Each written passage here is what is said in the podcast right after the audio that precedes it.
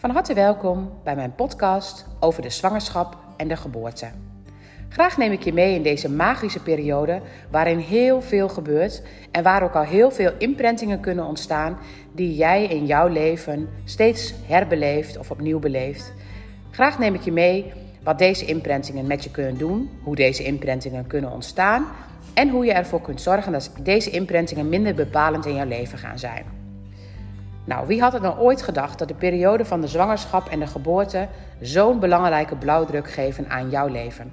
Nou, ik moet heel eerlijk zeggen dat ik ehm, toen ik begon aan de, de ehm, opleiding geboorte in kaart, toen had ik van tevoren niet kunnen bedenken dat ik nog zoveel um, nou, extra inzichten kreeg over mijn eigen zwangerschap en mijn eigen geboorte. Want ik wist eigenlijk niet beter dan dat het allemaal heel prachtig verlopen was. Er was eigenlijk maar één ding wat opmerkelijk was. En dat is dat mijn moeder uiteindelijk bij, nou, toen ze bij wijze van spreken twee of drie centimeter ontsluiting had, dat ze toen um, tegengehouden werd. Dat ze haar geboorte min of meer, dat, ze, dat de arts tegen haar zei dat ze echt nog geen 10 centimeter ontsluiting kon hebben. Terwijl mijn moeder het gevoel had dat ze, dat ze moest persen. De arts is toen weggegaan en um, eigenlijk is mijn moeder op dat moment niet serieus genomen in het feit dat ze moest persen. Om vervolgens een tijdje later de arts opnieuw te hebben. En die zag toen opeens wel 10 centimeter ontsluiting. En daarna kwam ik. Dus ik ben eigenlijk een hele poos tegengehouden. Tegengehouden terwijl mijn moeder wel heel goed wist dat er iets moest komen, zeg maar. Dat, dat ik moest komen. En de arts eigenlijk nog aangaf dat het nog niet kon. Oftewel, uh, mijn moeder heeft geluisterd naar de arts en niet naar haarzelf. Nou, en eigenlijk is dat heel vaak het geval in mijn leven. Dat ik heel vaak iets van binnen voel van nou, dat kan ik wel, of dat wil ik wel, of dat moet nu. En dat ik het toch niet doe, omdat ik het gevoel heb dat anderen, en dan nou ja, heel vaak uh, mensen waar ik uh, tegenop kijk, dat die mij min of meer tegenhouden. Ze hoeven eigenlijk alleen maar aan te kijken. Dan heb ik al het idee dat ik vooral maar niet geboren moet gaan worden. En dat is zo bizar dat ik het elke keer mijn leven nog leef. En dat dat ook precies het, het punt is waar ik zo vaak tegenaan loop. Nou, ik heb eigenlijk dus een hele mooie. Um, nou, mijn ouders wilden mij echt, dus ik was heel erg gewenst. En um, nou, ook ten aanzien van de implantatie. Het was gelijk eigenlijk de, het eerste moment dat mijn moeder zwanger wilde raken, was het ook al raak. Um, toen, ik, toen ze het ontdekte, was ze helemaal gelukkig en helemaal blij. Nou, mijn moeder heeft denk ik in de zwangerschap echt alleen maar gepronkt met haar buik. En is heel goed voor haarzelf geweest. Heel, heel veel contact met mij gemaakt. Nou, en bij de geboorte is dit de enige imprinting die eigenlijk niet goed verliep. Mijn moeder heeft het verder heel rustig kunnen doen. Daarnaast was ik trouwens ook nog drie weken te laat geboren. Dus dat heeft wellicht ook een imprinting gegeven. Maar heel veel uh, belasting zit er niet op mijn systeem. Maar de belasting die erop zit, die voel ik des te meer. Ik, heb, ik voel het echt heel vaak, die remming die ik elke keer heb. Nou, als je naar je eigen zwangerschap en naar je geboorte kijkt, is het belangrijk om het eigenlijk een beetje in stukjes te gaan hakken. Um, om, het, om het beter te kunnen pakken, zeg maar, van welke impact welke periode zou kunnen hebben. Nou, voordat we het in stukjes gaan hakken, wil ik eerst graag uitleggen hoe het toch kan dat deze periode zo belangrijk voor ons leven is. Nou, eigenlijk, als je, het, als je mijn uh, podcast over de drie breinen hebt gehoord, dan weet je dat het reptiele brein in de buik ontstaat en bij zeven maanden is volgroeid. Daarnaast groeit het zoogdierenbrein, maar ons menselijke brein is in de baarmoeder nog niet aanwezig. Die, we, we hoeven nog geen dingen te leren, we hoeven nog niet te plannen, we hoeven nog niet logisch na te denken. We hebben nog geen verstandelijke vermogens, het is allemaal nog niet nodig.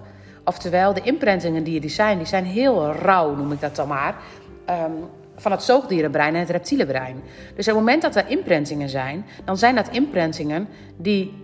Um, nou, die niet wegger, weggeredeneerd kunnen worden. Want ons menselijke brein kan logisch denken. Dus op het moment dat hier uh, bij wijze van spreken een, um, iets aankomt wat bedreigend is, dan zou ik met mijn reptiele brein heel erg direct gaan reageren. Maar het moment dat dat een, een. Stel je voor, er zou een leeuw aankomen en ik zie dat het een knuffelleeuw is. Dan moet ik waarschijnlijk, als ik met mijn menselijke brein zou kijken, lachen. En dan denk ik, wie zit er toch in die knuffel? Maar heb ik helemaal geen menselijk brein, dan kan ik die knuffel niet relativeren. En dan ga ik er wel op reageren. Net alsof het iets is wat angstig is. Dus het moment dat je geen menselijk brein hebt, dan is het voor jou bijna niet mogelijk om het. Uh, te of is het gewoon niet mogelijk om het te relativeren en is het ook gelijk een imprinting. Dus de dingen die je in de zwangerschap en bij de bevalling meemaakt, dat zijn imprintingen. Die zijn echt heel zwart ingeprent. En um, dat zijn eigenlijk de eerste magneetjes. Want stel je voor, ik maak iets mee. Ik ben aan het, aan het, aan het oefenen, zeg maar, hoe dingen veilig zijn. Nou, dat is wat een baby die is in de buik aan het overleven. En het moment dat daar imprintingen komen, dan is het voor de overleving belangrijk dat deze baby weet welke imprintingen er nodig zijn. Dus stel je voor, ehm, een baby zit in de buik bij de moeder.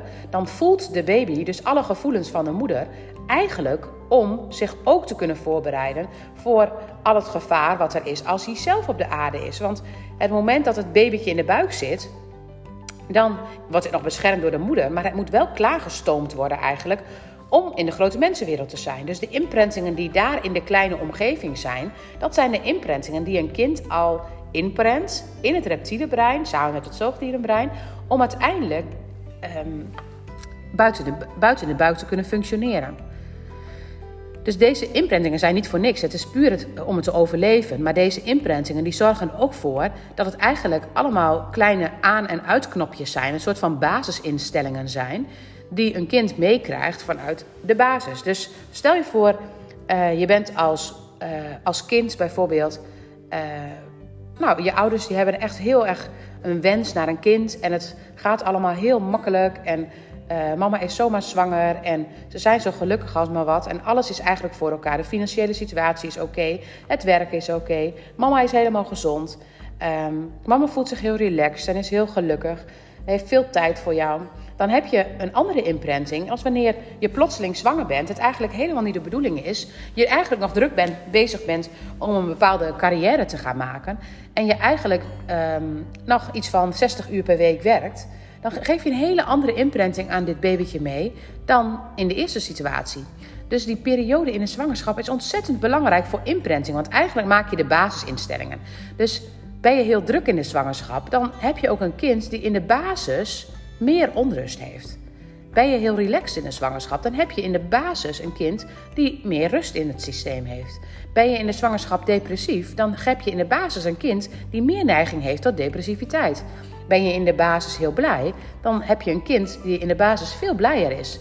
Ben je uh, erg op je hoede, want is er een situatie waar je wat heel onveilig voor je voelt, dan ben je in de basis meer op de hoede dan wanneer je dat niet bent. Dus eigenlijk is het heel grappig dat de manier waarop eigenlijk een moeder zich voelt in de zwangerschap, dat wordt eigenlijk de basisinstellingen bij een kind. Dus dat is eigenlijk de basis.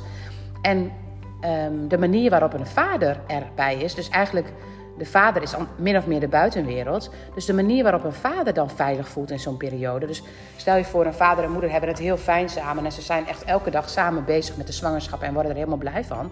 Dan heb je een kind die eigenlijk, de, of heb je een moeder die de buitenwereld ervaart als fijn. En automatisch heb je een kind die de buitenwereld al een beetje fijn gaat vinden. En zo zijn dus alle imprintingen van die periode imprintingen in jouw systeem. Dus de eerste fase, het moment dat je gewenst bent of ongewenst bent.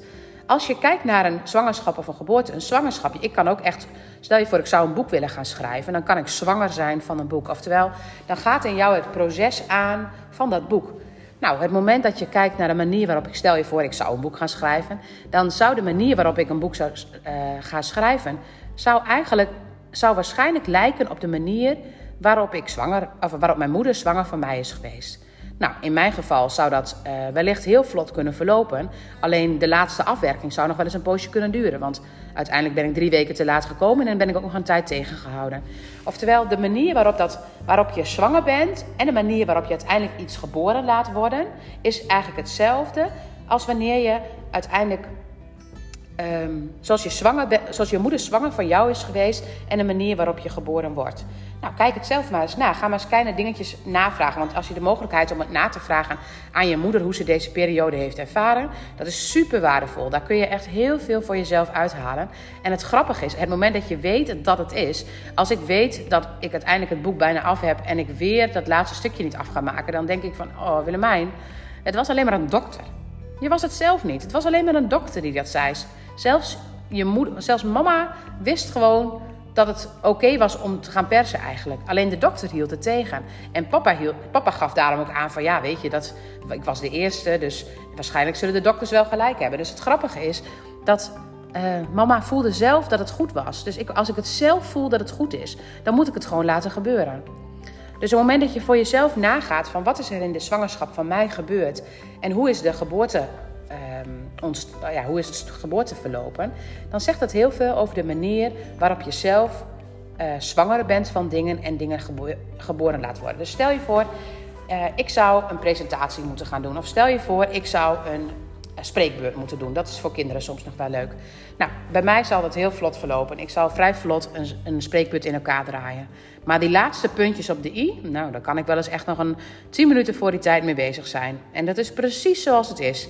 Altijd ben ik heel vlot in alles klaarmaken. Ik ben zomaar aan het eind. Maar het laatste stukje, nou, ik heb nog heel wat um, zwangerschappen lopen, heel wat uh, werkstukjes dus, uh, liggen nog klaar om het laatste finishing touch aan te geven. Maar die finishing touch, op een of andere manier ben ik daar niet zo goed in. Nou, ik weet wel hoe dat komt. Maar als je bij jezelf nagaat of bij je kind nagaat, um, dan kun je heel veel halen uit de manier waarop, uh, waarop een kind bijvoorbeeld een presentatie gaat geven. Um, als je kijkt naar mijn kinderen, die zijn met de keizersnee geboren, dus, en, maar allemaal ook wel met een verhaal, dan um, heb ik, is het gewoon soms belangrijk dat ze even aangezet worden. Ze moeten even geholpen worden, want dat moet bij een keizersnede ook. En bij Jort kan het soms echt uh, verlopen tot een soort van paniek. En die moet ik dan even weer rustig maken. Om vervolgens, dan gaat hij het zomaar doen, dan is het zomaar klaar. Maar dat is ook zijn, zwangers, of zijn bevalling geweest. Er is echt paniek geweest en het is ook echt heel na voor hem geweest. En vervolgens, toen hij de keizersnee had, toen was hij er ook zomaar. Nou, dat is ook bij, als Jort een presentatie gaat, hij doet het echt keurig. Hij wordt op een gegeven moment is hij nog wel een beetje onrustig en druk ervan. Nou, dan gaat er vervolgens, dan moet ik hem dus even aan de hand meenemen. En vervolgens dan doet hij zomaar dus het uh, zijn spreekbeurt. Dus kijk maar eens naar hoe, um, hoe jij of hoe je kind een spreekbeurt geeft. Of hoe die in het dagelijks leven zijn dingen doet. En kijk maar eens of je daar de zwangerschap en de geboorte in herkent. Elke fase in de zwangerschap heeft een bepaalde betekenis. En nou, daarover heb ik kaarten gemaakt. Die kun je eventueel bestellen op, uh, via mijn webshop op www.willemijntrip.nl. Onder het kopje online bestellen kun je mijn webshop vinden. Daar zijn de kaarten van de geboorte in kaart ook te vinden, waar je deze fases ook uitgelegd ziet. En over elke fase heb ik van alles opgeschreven over wat je dan zou kunnen zien bij je kind. En ik heb ook een van de geboorte in kaart, heb ik daar kaarten van. En daarin wordt ook uitgelegd, dus als je met een vacuüm geboren wordt, of als je um, een tegengehouden geboorte hebt, of als je uh, onder narcose geboren bent. Zijn echt allemaal, nou, nu noem ik zomaar wat kaartjes die ik even uit mijn hoofd bedenk. Maar er zijn echt heel veel verschillende kaartjes. En al die kaartjes hebben hun imprintingen in je leven. En het moment dat je dat weet, en eigenlijk is het bewustzijn is eigenlijk al de magie. Want door het bewust te zijn kun je ook zien uh, wat het op je leven doet. En omdat ik weet nou, dat al die projecten die nog bij mij in de computer staan, dat die nog niet af zijn. Dat het eigenlijk alleen maar een steeds herbeleven van mijn uh, geboorte is dan is de angst er eigenlijk al af. Want eigenlijk, het moment dat ik dat, me dat besef, dan denk ik echt van... Jeetje mina, dat ik dat nog steeds zo doe. En ik denk dus dat het, als je daar meer van weet, dat je er een hele... Uh, dat je er eye-openers van krijgt. Nou, ik ga even kort al die fases bij langs. Want een hele lange, dan zou het bijna, um, denk ik wel een podcast van een uur of twee uur kunnen gaan worden. En dat is niet helemaal mijn bedoeling. Um, over deze geboorte en de zwangerschap en de geboorte in kaart Um, zal er binnenkort ook nog wel eventjes een keer een webinar geplaatst gaan vinden. Waarbij je dus ook een werkboek krijgt waar, waar je kunt invullen de verschillende fases. Zodat je het nog iets specifieker op jezelf van toepassing kunt maken. En je zou ook eens kunnen gaan kijken bij de geboorte in kaart. Want de geboorte in kaart, daar wordt dit ook allemaal um, ja, helder gemaakt. Als je naar die fases kijkt, dan begint het eigenlijk met de preconceptie. Dat is de fase voordat je zwanger bent. En eigenlijk is dat de fase waarbij je je kunt openstellen of dat je eigenlijk jezelf juist niet openstelt. Dus stel je voor, je bent ontzettend uh, ontvankelijk om een kind te krijgen. Dan stel je jezelf open. En geef je daarmee aan het kind ook de energie van jezelf kunnen openstellen mee. Dus sommige kinderen die heel moeilijk bereikbaar zijn, toegankelijk zijn, dat zijn kinderen die waren. Nou, die, daar, daar stond een oudere misschien niet helemaal voor open. Stel je voor, uh, je was nog bezig met de carrière en je wilde eigenlijk nog geen kind. Of stel je voor, je uh, bent kind nummer 28, eh, dan staat je moeder misschien er ook niet helemaal meer voor open. Dat is ook een hele andere situatie. Nou, de per periode dus voordat je überhaupt zwanger raakt, dat heet de preconceptie, waarna dus eigenlijk de conceptie ontstaat. Nou, een conceptie kan natuurlijk ook op, dat is eigenlijk de bevruchting, zeg maar. Dus op het moment dat je naar de uh, conceptie kijkt, dan kan dat in oervertrouwen gebeuren. Dus het kan echt heel fijn zijn, maar het kan ook vol met remmingen zijn. Nou, als jij in oervertrouwen ontstaan bent, heb je een hele andere energie meegekregen dan wanneer je uh, vanuit een oerremming ontstaan bent. Nou, kijken naar de implantatie, dat is echt nog een wereld aan zich. Daar kan ik nog heel veel over vertellen, want daar hoort het verhaal van de alleengeboren tweeling bij. Want heel vaak zijn er meerdere vruchtjes die tegelijk um, bevrucht worden. En daarbij hoort ook een bepaalde plek van innesteling, wat heel veel zegt over de manier waarop je voeding tot je zou willen nemen of niet tot je zou willen nemen. Maar het is altijd een situatie van leven of dood, want die uh, eicel en die zaadcel die samengesmolten zijn die gaan een eindje, ja, die gaan samen een stukje reizen, zeg maar. Op zoek naar de plek waar ze gaan innestelen. Maar hebben maar zoveel energie. Dus op het moment dat, het, dat, je, dat uh, de innesteling heel erg laat plaatsvindt, dan is, dat, um, dan, hebben, dan is de energie bijna op. En dan merk je ook dat um, mensen bij wie dat gebeurd is, dat die op die manier ingenesteld zijn, dat die qua energie helemaal tot het naadje kunnen gaan en dan moeten ze opeens weer eten. Maar die zijn wel bang om tekort aan eten te hebben. En als ik ergens naartoe ga, ik ben zeker weten niet een uh, innesteling geweest die heel laag is geweest. Als ik ergens naartoe ga, ik denk niet eens aan eten en ik kom niet in me op om het mee te gaan nemen. En sommige mensen nemen altijd een ontzettende tas vol met eten mee. Dat is heel bepalend waar je de implantatie hebt gehad. Nou, weer een hele, waarschijnlijk een hele webinar aan zich of een podcast aan zich. Maar we gaan door naar de ontdekking. Nou, het moment dat je ontdekt, dat jij ontdekt wordt, klinkt ook wel leuk. Nee, het moment dat je dus eigenlijk, eh, dat jouw moeder en vader ontdekken dat ze zwanger van jou zijn, dan gaat het over het gewenst zijn of het ongewenst zijn. Nou, als jij ergens naar binnen komt en um, jij hebt in jezelf een basis van ongewenstheid, dan stap je heel anders naar binnen dan wanneer je een basis hebt van gewenstheid. Nou, dat geeft een hele andere energie. Dus ook dat is een belangrijke plek. En het is ook heel grappig als je als moeder bijvoorbeeld ontdekt en dat je ontzettend gelukkig bent. En als vader eerst nog even niet gelukkig bent. Dan is het eigenlijk dat je uh, in jezelf wel een soort zelfliefde voelt. En een gewenstheid. Maar naar buiten toe, dus naar je vader, naar de, naar, de, naar de eerste rang in de buitenwereld, daar voel je dat niet. En dat kan voor een moeder op dat moment heel ingewikkeld zijn. Maar ook een kind voelt dat mee. Nou, dan heb je nog een navelstrengeffect. Dus eigenlijk de hele zwangerschap voelt een kind alles van de moeder. Dus is een moeder veel moe? Is een moeder heel naar? Is een moeder heel ongelukkig? Is een moeder heel blij? Heeft een moeder veel boosheid? Is een moeder ontzettend onrustig? Is een moeder uh, gestrest? Dat geeft allemaal impact mee aan een kind. En in deze, in deze fase is het dus ook echt, het is eigenlijk heel belangrijk. Ik had het wel heel graag nog beter willen weten. Bij, mijn, bij de zwangerschap van mijn kinderen had ik nog meer aandacht eraan besteed. Want uiteindelijk als je um, weet hoe belangrijk het is dat je als moeder je dan heel fijn voelt, dan um, weet je ook hoeveel mooie imprinting je daarmee je kind meegeeft. Hoe zo'n basis. Dus op het moment dat je dat heel stressvol beleeft, dan, dan geef je zoveel stress aan een kind mee. Wat eigenlijk heel jammer is. Dus eigenlijk um, kun je als moeder heel veel faciliteren in het, ja, in het blij zijn van je kind. En het moment dat je in deze periode nou, bijvoorbeeld heel veel stress beleeft, misschien heel slecht eet, rookt, Um, bedoel, ik zeg niet dat het meteen. Um, uh, hoe moet ik het zeggen? Ik zeg niet dat het meteen vergiftiging is, want dat vind ik wel echt een heel zwaar woord. Maar het is wel belangrijk om te weten dat eigenlijk jij dat nodig hebt om je prettig te voelen. En eigenlijk je kind ook meegeeft dat je iets nodig hebt, hebt om je prettig te voelen. Het kan een verslaving zijn, maar eigenlijk heb je dus iets nodig om een prettig moment te, geven. En daarmee brengt je dit ook bij je kind in. Nou, kijk je naar de geboorte, dan hebben we daar natuurlijk een ontzettend verhaal. Want um, de, de geboorte, wat nou, met name met, over vooruitgang en stagnatie gaat, daar kunnen heel veel factoren in meespelen. En deze geboorte is vaak um, in heel veel gevallen heel mooi en heel liefdevol en heel vredig, maar altijd wel een heel groot impactmoment. En um, de manier waarop eigenlijk die geboorte in stappen verloopt en hoe een moeder uh, dat ervaart en voelt. En hoe ze zich gezien voelt. En hoe ze zich begeleid voelt. En hoe ze zich gesteund voelt. En hoe ze de kracht in zichzelf voelt. Dat zijn allemaal basisinstellingen van een kind. Nou, en dan die eerste fase, dat je je kind op schoot hebt en dat je kind eigenlijk alleen maar naar je kijkt het eerste uur. Dat is een fase van bevestiging. En het moment dat een kind dat mee mag maken en jij als ouder dat mag meemaken, dan is dat een prachtig hechtingsmoment.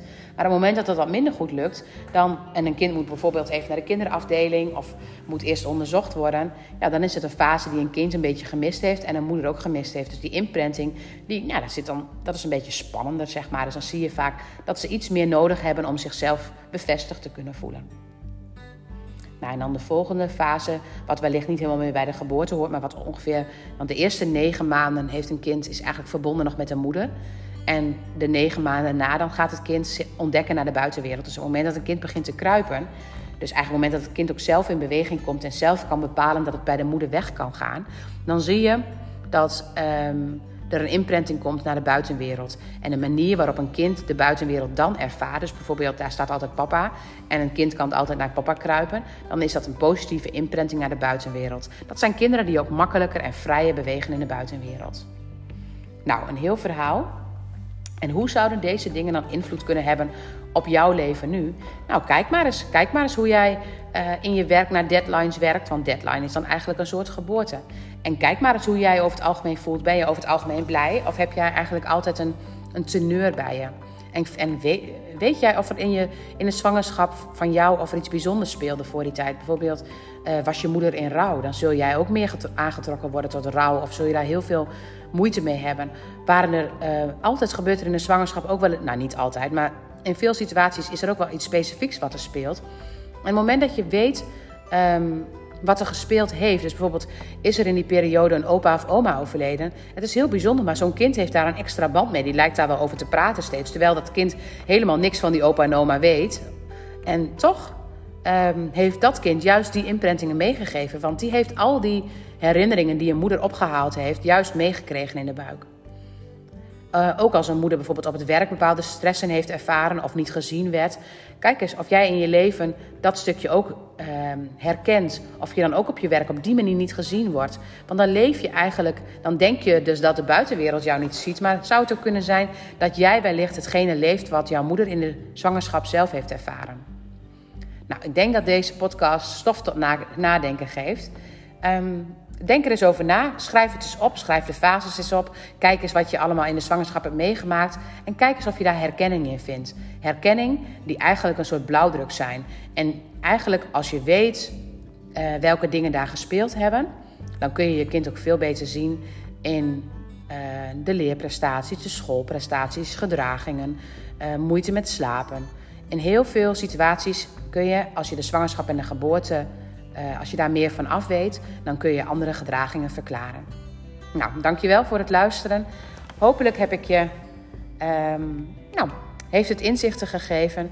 Mochten er vragen zijn, je kunt altijd mailen naar info.willemijntrip.nl En denk ook eventueel aan die kaarten die je zou kunnen bestellen, want deze kaarten die leggen eigenlijk deze fases heel goed uit. En ze zijn op dit moment ook met korting verkrijgbaar op mijn webshop. Tot de volgende podcast.